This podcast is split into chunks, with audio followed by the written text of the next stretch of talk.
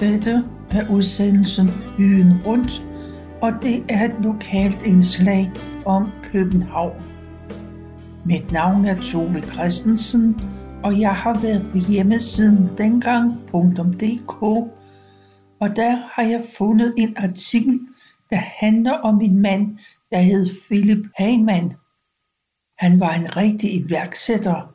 Han blev født i 1837 i København og han døde i 1893. Og i artiklen der står, når man beskæftiger sig med lokal- og industrihistorie, kan man ikke komme uden om navnet Philip Heyman. Han var en rigtig iværksætter ud over det normale. Han var den første, der solgte mærkevarer til udlandet, og han byggede de første arbejderboliger og så var han med til at starte Tuborg. Og han var dominerende og streng mod sin familie og sine ansatte. Han krævede disciplin fra morgen til aften. Heyman-slægten den kom til Danmark fra Essen omkring 1750 og bosatte sig i København. Familien specialiserede sig i at fremstille guldtråde der efterfølgende blev brugt til broderi og væveri. Wolf Philip Heyman han solgte ud af familiens ejendele og startede en manufakturhandel som han havde stor succes med. Han gik også ind i vekselerbranchen for at prøve denne branche af men størstedelen af sin formue tjente han dog ved ejendomshandel og byggeri. Nu var Heyman-familien ikke mere en af de talrige jødiske håndværkerfamilier, men det var en af de velstående jødiske handelsfamilier. V.P. Heyman blev gennem sine forretninger en meget velhavende mand og en legendarisk skikkelse i det københavnske bybillede. Familien boede nu på en af de fornemmeste adresser i København, på Nytorv nummer 89. Philip Heyman han blev født i 1837. På det tidspunkt havde de københavnske jøder på overfladen et fredeligt liv.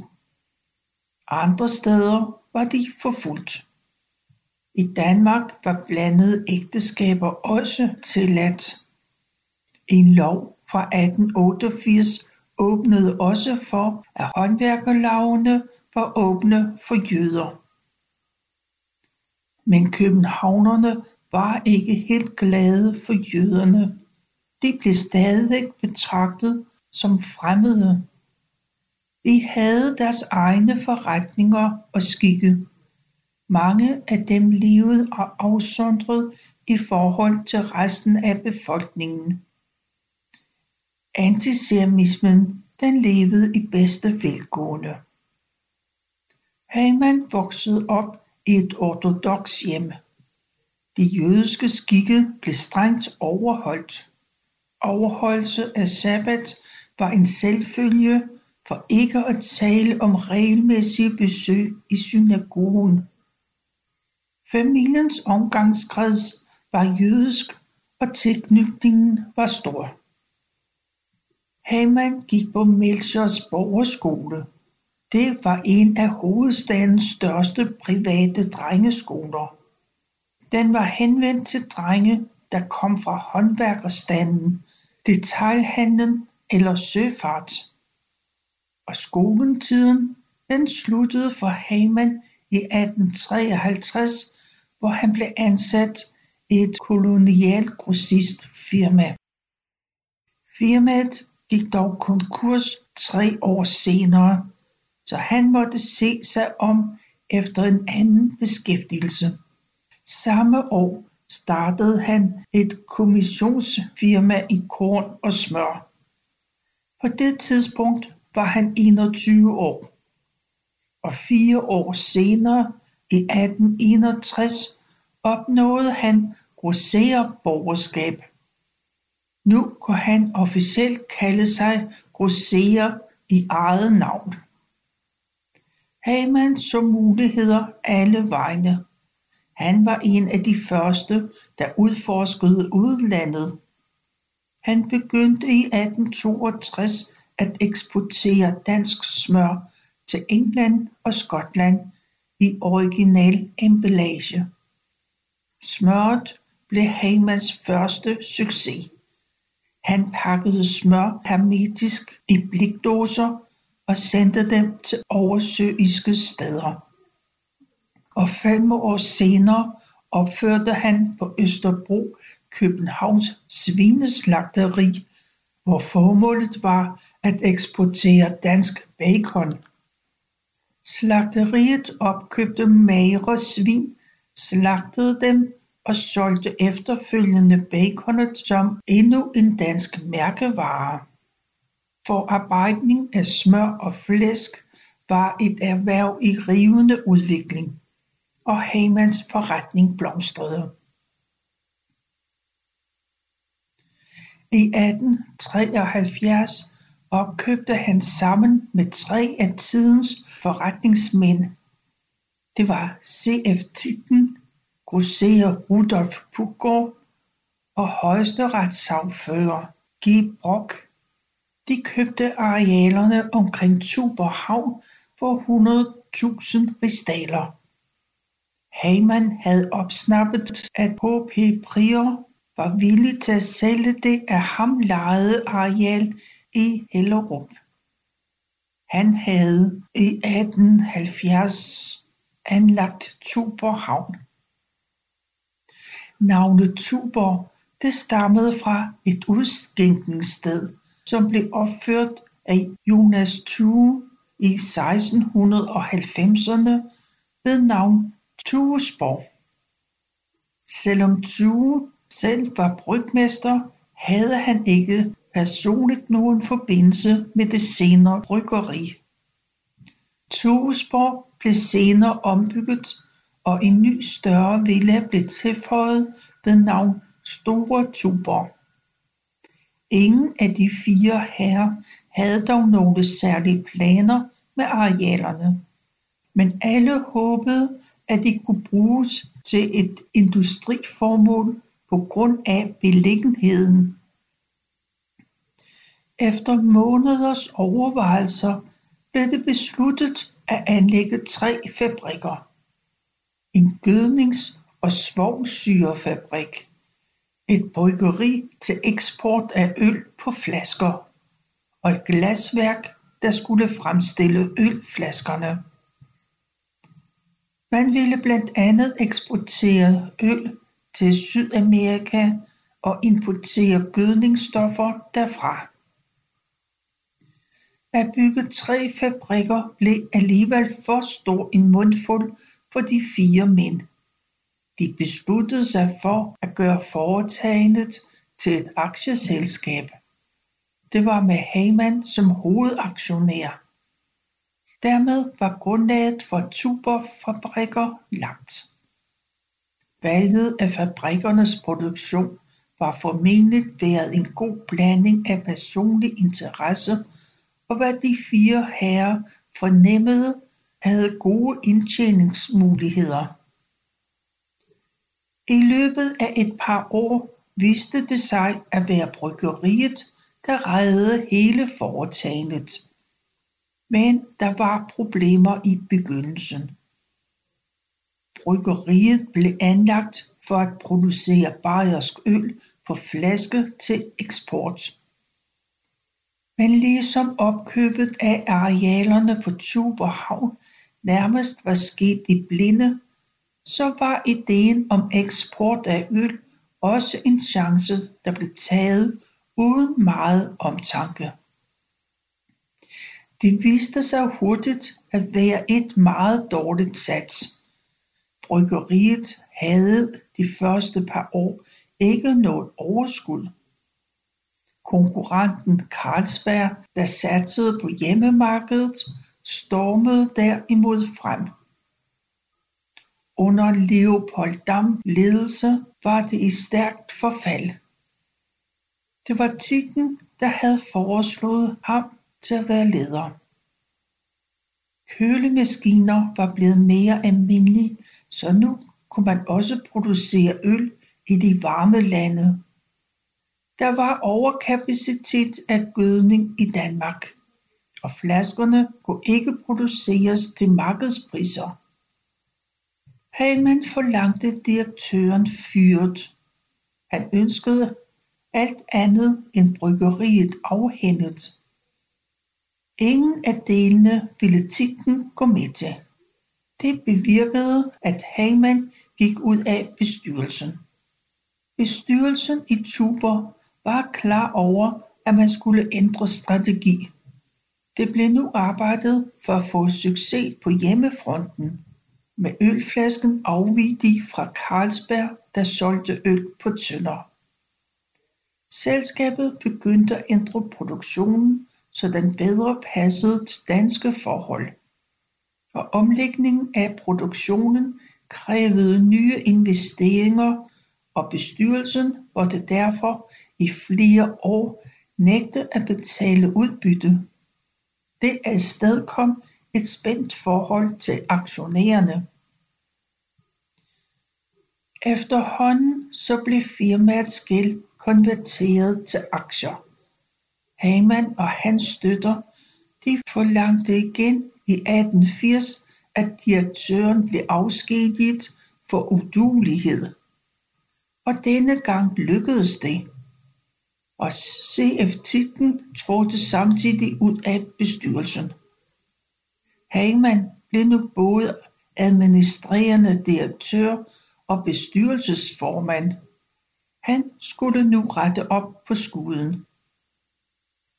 Glasværket det blev i 1881 solgt til Kastrup Glasværk og gødningsfabrikken sluttede sin produktion i 1882 og da Heyman det samme år kom i knibe på grund af vildgær i øllet var gode råd dyre. En hel produktion var i fare. Han bed dog sin stolthed i sig og gik til den erfarne brygger I.C. Jacobsen efter råd verdensmanden Jacobsen kom straks til Hellerup for at besigtige problemerne og han bidrog med gode råd til tekniske forbedringer samt en ren og nøje opdyrket gær fra Carlsberg så tuberproduktionen igen kunne komme i sving. Dette gjorde han til trods for at Hamann i tiden forinden havde arbejdet ihærdigt på at alliere de andre københavnske bryggerier med den succesrige Jacobsen. Markedet for bayersk øl i Danmark var nærmest eksploderet. I perioden 1869 til 1887 blev produktionen i København nærmest syvdoblet.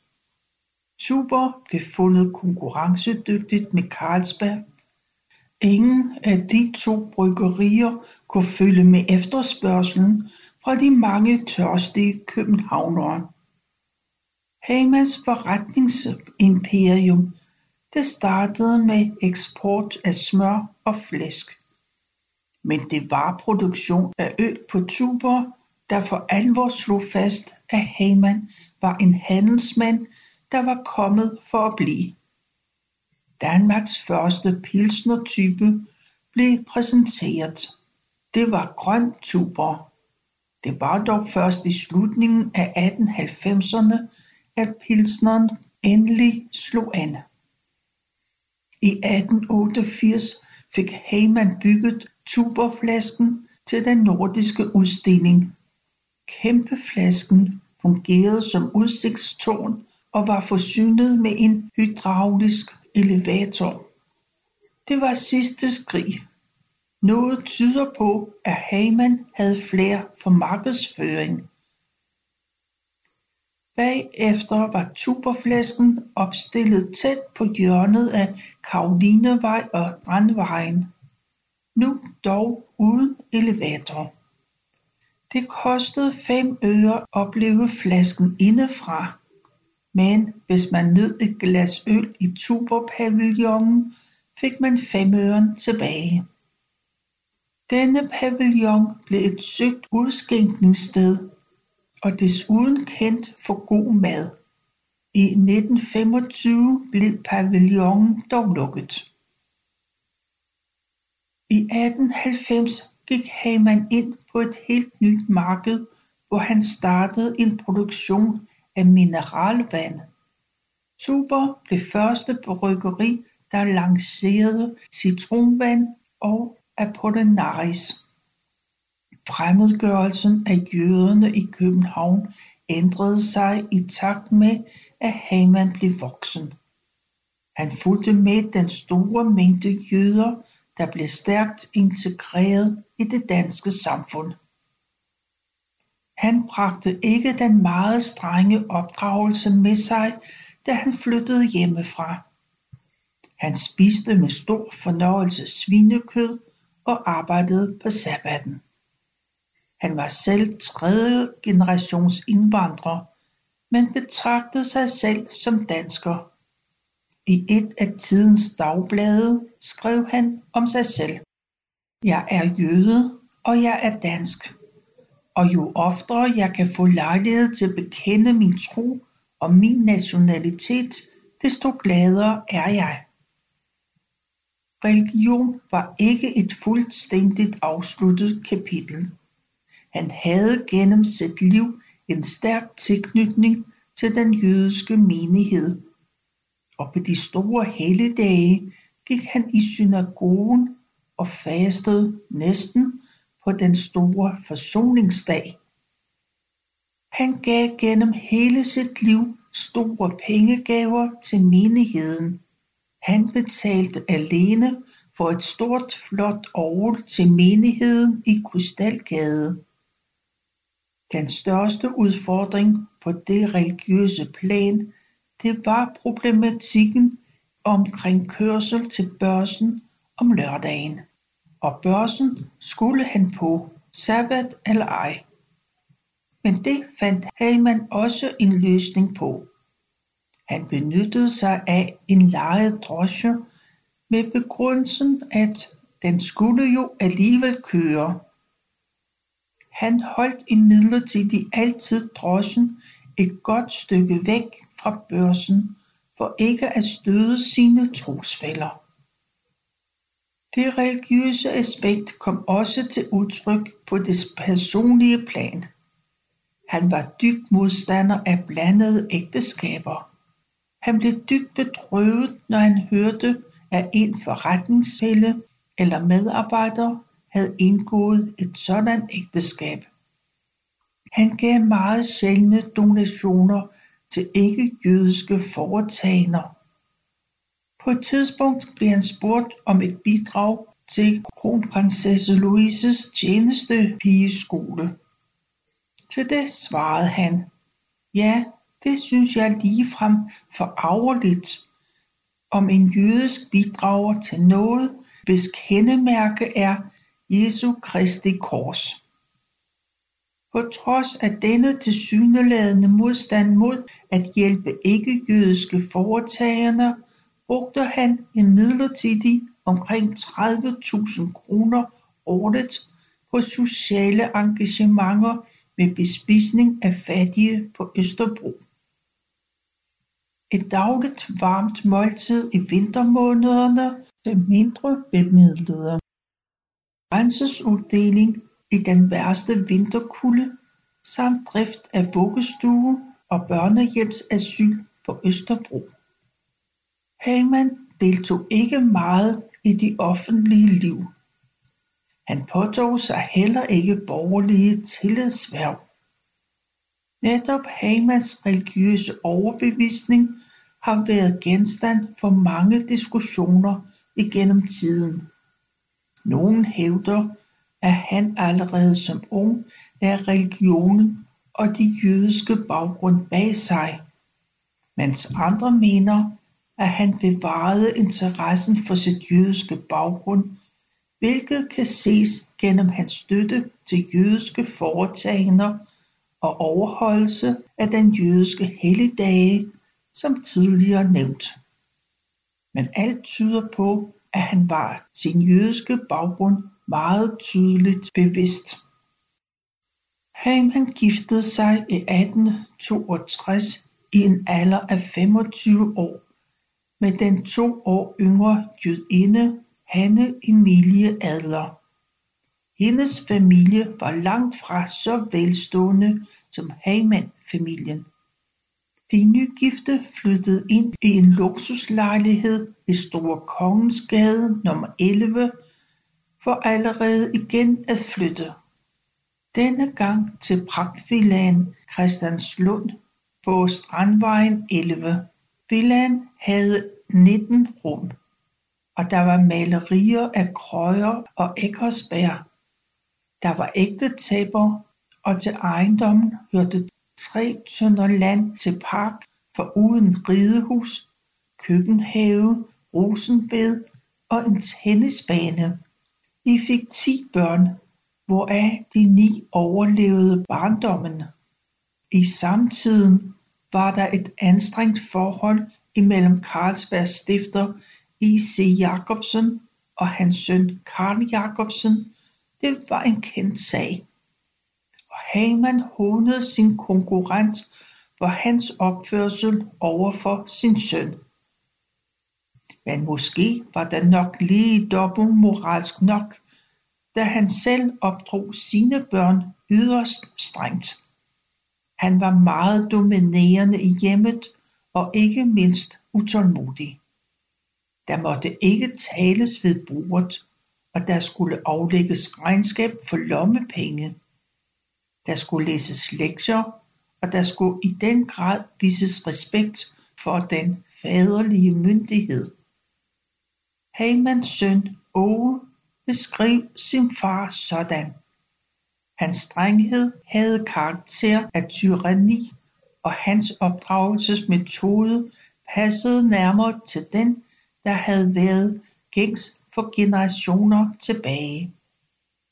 Vi var bange for ham og kom jeg hjem fra skole med en dårlig karakter, sad jeg oppe på mit værelse og ventede med skræk i blodet på det øjeblik, da jeg hørte hestens bekendte klap-klap ved indkørslen til villaen. Det var ikke så meget den ørefin, der ventede mig, men hans lynende blik, der gjorde mig forsagt. Det var især sønnen Ove, der var problemer med på hjemmefronten. Selv i en alder af 19 år blev Åge udsat for sin fars strenge opdragelse. Således beskrev han en oplevelse fra den dag, hvor han netop var hjemvendt fra værnepligten. Han var kommet til at sætte sig på sin fars plads ved bordet uden at tænke over det. Til stor forbavselse for søskende og tjenestefolk kaldte faren det for en forbrydelse og stak ham en ørefin. Han var godt klar over, at han var en streng far, og sådan var han også i sin funktion som chef. Han krævede loyalitet og arbejdsomhed.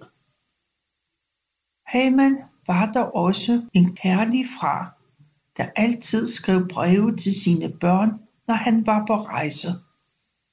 Det var også et familieliv med masser af fester, både da børnene var små og da de var store. Da drengene var små, blev alle deres venner og klassekammerater inviteret til at slå katten af tynden.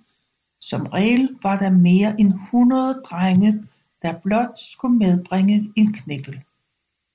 På balkongen over ridehuset sad der et musikkorps, og midt i ridehuset var der ophængt en mægtig tønde fyldt med frugter.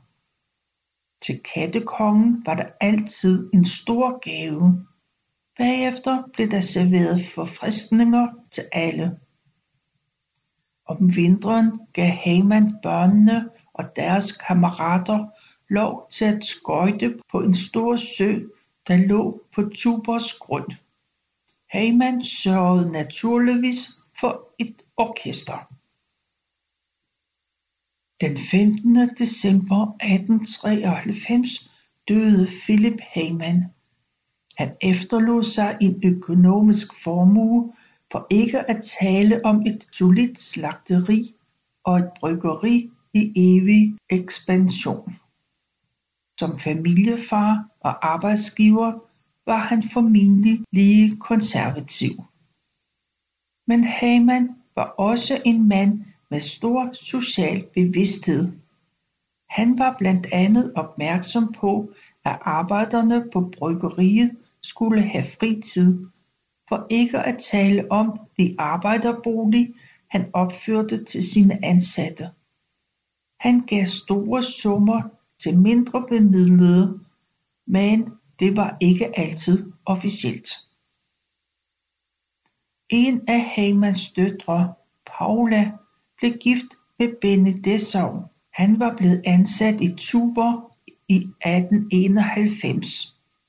Han efterfulgte Haman på direktørposten, og sønnen Åge Haman overtog farens øvrige virksomheder. Dessau indgik et samarbejdsaftale med Carlsberg i 1903. Aftalen betød, at de var to selvstændige virksomheder, men de samarbejdede. I praksis indgik man i hinandens investeringer. Dette betød, at Carlsberg ikke måtte påbegynde en hvidtølsproduktion. Tuber begyndte også en vitaminproduktion. Det var tale om en bouillonprodukt til husholdningsbrug og tørgærproduktion til industrien startede man også på. Under Dessau startede man også guldtuber, og det var i 1895. Og det var også Dessau, der stod for den flotte plakat Den tørstige mand og i 1970 blev Carlsberg fusioneret med Tuborg. Det meste af fabriksanlægget i Hellerup er i dag revet ned, og i 1996 blev driften i Hellerup helt indstillet. Området blev omdannet til en hel bydel med mondæne boliger, erhvervshovedsæder, skoler, indkøbscentre, lystbådehavn og med mere. Produktion var efterhånden blevet flyttet til Fredericia. Tuborg er i dag repræsenteret på 104 markeder verden over. Og hvordan gik det så med sønnen Åge Hagemann? Han blev blandt andet uddannet på Varde Svineslagteri og i Canada han blev indehaver af firmaet Philip V Hayman i 1891 og indehaver af et par andre firmaer og i 1907 lod han et palæ bygge i Ryvangen på Strandvejen 92. Han måtte dog sælge villaen igen, men krigstiden havde åbenbart genskabt hans formue for der gik ikke lang tid før han øh, byggede et nyt palæ på Øster Allé 33. Og med dette her, så vil jeg takke af for nu. Du kan læse om Philip Heyman og om meget andet på hjemmesiden dengang.dk.